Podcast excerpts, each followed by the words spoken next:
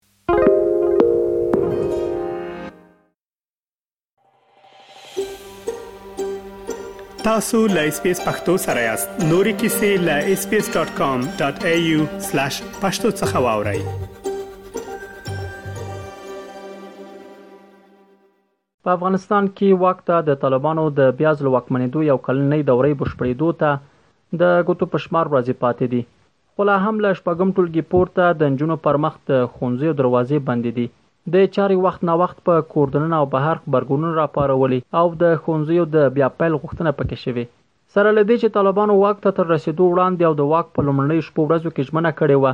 چې ټولې افغان نجونې او مېرمنې به د کار او پوهنې حق ولري، خو د تمې خلاف نه یوازې دا چې تر شپږم ټولګي پورته یې د نجونو پر مخ د ښوونځیو دروازې بندې ساتلي، بلکې په مېرمنو یې هم ګڼ شمېر بندیزونه وضع کړي تازه د افغانستان پخواني ولسمشر احمد کرزي ادعا کړې چې پاکستان له زده کړو او تحصیل څخه د افغان نجونو په محرومولو کې لاس لري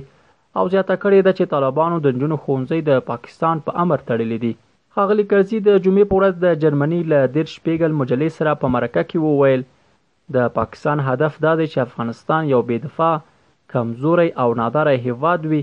چې هېڅ ډول ستونزې توقع ترې ونه شي. هغه په دې مرکه کې د نجونو پر مخ د ښوونځیو تړل د افغانستان د منزوي کېدو په مانا وباله او په خبره یې د نجونو له زده کړو پرته افغانستان پر خپلو پښو نه شي درېدلی. د چارو یو شمېر شنونکي د حامد کرزي د یادې ادعا په تایید سره وايي چې پاکستان تل هڅه کړې له افغانستانه داسې یو سیمه جوړه کړي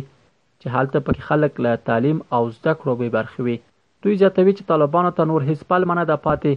چې له شپږم ټولګي پورته د نجونو پر مخ د ښوونځیو دروازې دې بندې وساتي. کرزی صاحب خو د هېواد رئیس جمهور پاتې شوی دی او زه فکر نه کوم چې هغه دې اسناد ونه لري، دلایل دې ونه لري، شواهد دې ونه لري او دغسې یو حکم دې وکړي. حتماً به هغه په دغه اړوند اسناد شواهد او مدارک لري نو دا خبره به کړی وي بل دا ده چې پاکستان په مسلسله توګه د افغانستان په دې بربادۍ او تباہي کې لاس لري پاکستان غواړي چې د افغانستان دغه سیمه جوړه کړي لکه دا وې جنسي چې د پاکستان او افغانستان ترمنځ پرتی وي چې نه پکې مکتب وي نه پکې شپخانه وي نه پکې تعلیم یافته وي او فقط خوراکي بازار جوړ وي د پاکستان د مال د خرڅلاو لپاره بازار وي او پاکستان هم دې د افغانستان د ټولو امکاناتو نه پراخه استفاده وکړي، که اوبه یې دي او که ځمکه ده، که تیږې یې دي، که لرګي یې دي، که ځنګلونه یې دي، که وسپنې دي او که وړۍ ده او که مالوچ دی او حتی که زاړه هډوکي دي، همدغې ته ناست دی. زه د پخواني ولسمشر حامد کرزي په وینا باندې موافق یم او رښتیا همداسې دی، د پاکستان په لمسون باندې دی، که داسې نه دی نو نو که دوی مسلمانان دي په رښتيا سره نو ولې د مکتبو دروازې بندې کړي په نجونو باندې په حال دې چې موږ علم ته ضرورت لري او مملکت چې علم نه لري هغه به څنګه خپل مملکت جوړ کړي خپل وطن به څه رقم آبادوي لطفا دې مکتبو دروازې ورخلاص کی تاسو هیڅ پلمه په دې باندې نه لرئ بدون د دې چې په پاکستان په تاسو باندې حمر کوي او مونږ دا وایو چې تاسو د پاکستان غلامان یاست طالبانو تر اوسه په ښکاره توګه نه دی ویلي چې ولې تر شپږم ټولګي پورته د نجونو ښوونځی تړلي خو دومره وایي چې ډېر ژر به دا ښوونځی پرانیستل شي خو د بیا پرانیستلو په پار یې هیڅ نیټه نه ده ټاکلې ویل کیږي چې د نجونو د ښوونځیو د پرانیستلو یا نه پرانیستلو پر سر د دې ډلې د جګپوړو غړیو ترمنځ اختلافات هم شته. د دولسم ټولګي یو تن زده کوونکي د نوم نه اخیستو په شرط اس بي اس راډیو ته وویل، له کومې ورځې را په دې خوا چې د طالبانو له لوري د ښوونځیو دروازې یې پر مخ تړل شوي، ناهیلې شوی او هغه هیلې یې له لاسه ورکړي چې راتلونکې کې یې درلودلې. له کوم وخت چې طالبان افغانستان ته راغلي دي یا د افغانستان هغه واک دوی ترلاسه کړی دی د نجونو ښوونځي تړل شوي له هغه وخت راهیسې موږ ډیره هڅه وکړه د افغانستان ډیری وګړو د دې لپاره مبارزه وکړه لا ډیره غوښتنې وکړل همداسې نړیوالو هم له طالبانو غوښتل چې تاسو د نجونو ښوونځي پرانیزئ خو تر اوسه پورې هیڅ په دغه برخه کې طالبانو ونه کړل، د نجونو ښوونځي لا هم تړل شوي دي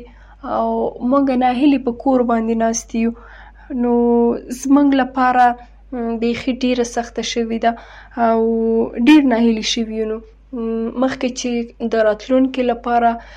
کومې هیلې موږ لرلې، هغه ټولې هیلې د طالبانو په راتګ سره موږ له لاسه ورکړي دي. ورته مهال په افغانستان کې د قلم لارې رضاکارانو ټولنې مشر او مدني فعال مطیع الله ویسا له اس بي اس راډیو سره په خبرو کې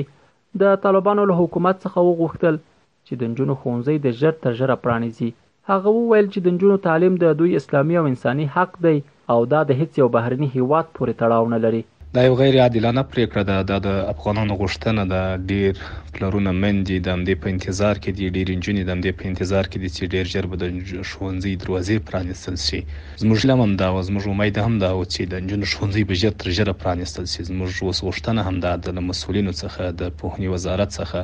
چې ژر تر ژره د نجونو ښوونځی خلاص کړي، د نجونو تعلیم د نجونو اسلامي انساني حق دی او دا د افغانانو غوښتنه ده، دا په هیڅ یو بهرني او هیچا پورې اړه نه لري، دا د دوی اسلامي انساني حق دی، دوی هم په دې ټولنه کې حق لري چې زده کړې وکړي. افغانستان یوازې په پوهه او زده کړه سره جوړېدلی شي، زموږ هیله او غوښتنه همدا ده چې دوی باید پر دې فکر وکړي ژر تر ژره چې څومره کېږي د نجونو ښوونځۍ د افغانستان په ټولو برخو کې پرانیزي او تر څو پورې چې دوی زده کړې وکړي او بیا په دې ټولنه کې خدمت وکړي. د پاکستان له خوا د افغانانو په مخ د نجونو د ښوونځیو تړل کېدل داسې مهال دي چې د پاکستان ولسمشر عارف علوي ویلي، هېواد یې غواړي افغان نجونو ته له دې وروسته په خپلو کورونو کې د پاکستاني استادانو له خوا د انټرنېټ یا تلویزیون له لارې درس ورکړل شي. د عارف علوي دغه وړاندیز د مفتي متقي عثماني له خوا د افغانستان د لوړو زده کړو او پوهنې وزارتونو له مسؤلانو سره شریک شوی دی.